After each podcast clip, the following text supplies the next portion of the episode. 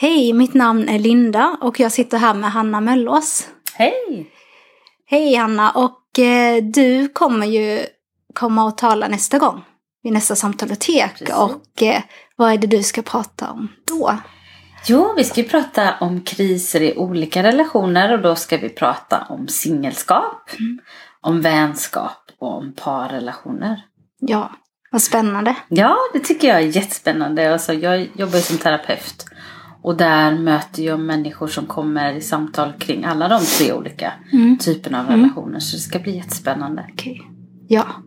Är det något som eh, du vill skicka med? Någon extra tanke eller någon råd som du har haft med dig i livet? Mm. Som en försmak inför kvällen?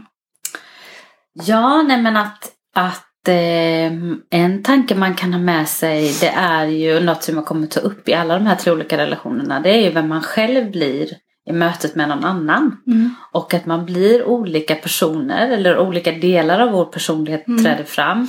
Beroende på hur vi blir bemötta. Så är vi i en vänskapsrelation där vi blir nedtryckta då blir vi en typ av person. Mm. Men är vi i vänskapsrelationer där vi blir lyfta och stöttade så, så tar det fram andra kvaliteter i oss. Mm. Det är en viktig tanke att ta med sig. Just det. Ja, det är spännande. Och du har ju jobbat med relationer och samtal på Mm. olika sätt. Mm. Är det någonting som ofta kommer upp i samtal om relationer och relationsskapande? Absolut, jag skulle säga att det är egentligen bara det. Man Mm. jobbar med relationer på olika nivåer. Det kan vara relationer till en chef eller relationer till partner eller barn eller föräldrar eller relationen till vänner. Det är ju någonting som jag märkt de sista åren att fler söker terapi och samtal och rådgivning för att lösa olika konflikter som Mm. uppstår i vänskapsrelationer. För det. vänskapsrelationer är en sån typisk situation där det bara ibland bara rinner ut i sanden. Mm. Men ofta kanske människor känner att det skulle vara skönt att få ett avslut eller prata om det som har blivit en konflikt eller så. Mm. Mm. Okej. Så vi kommer beröra lite av det under kvällen. Absolut. Mm. Kommer du dela någonting från ditt eget liv?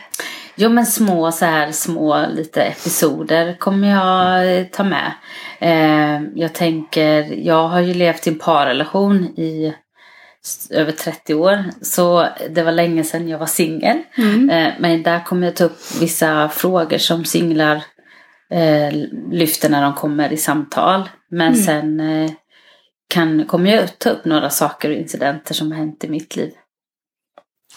Det ser vi fram emot.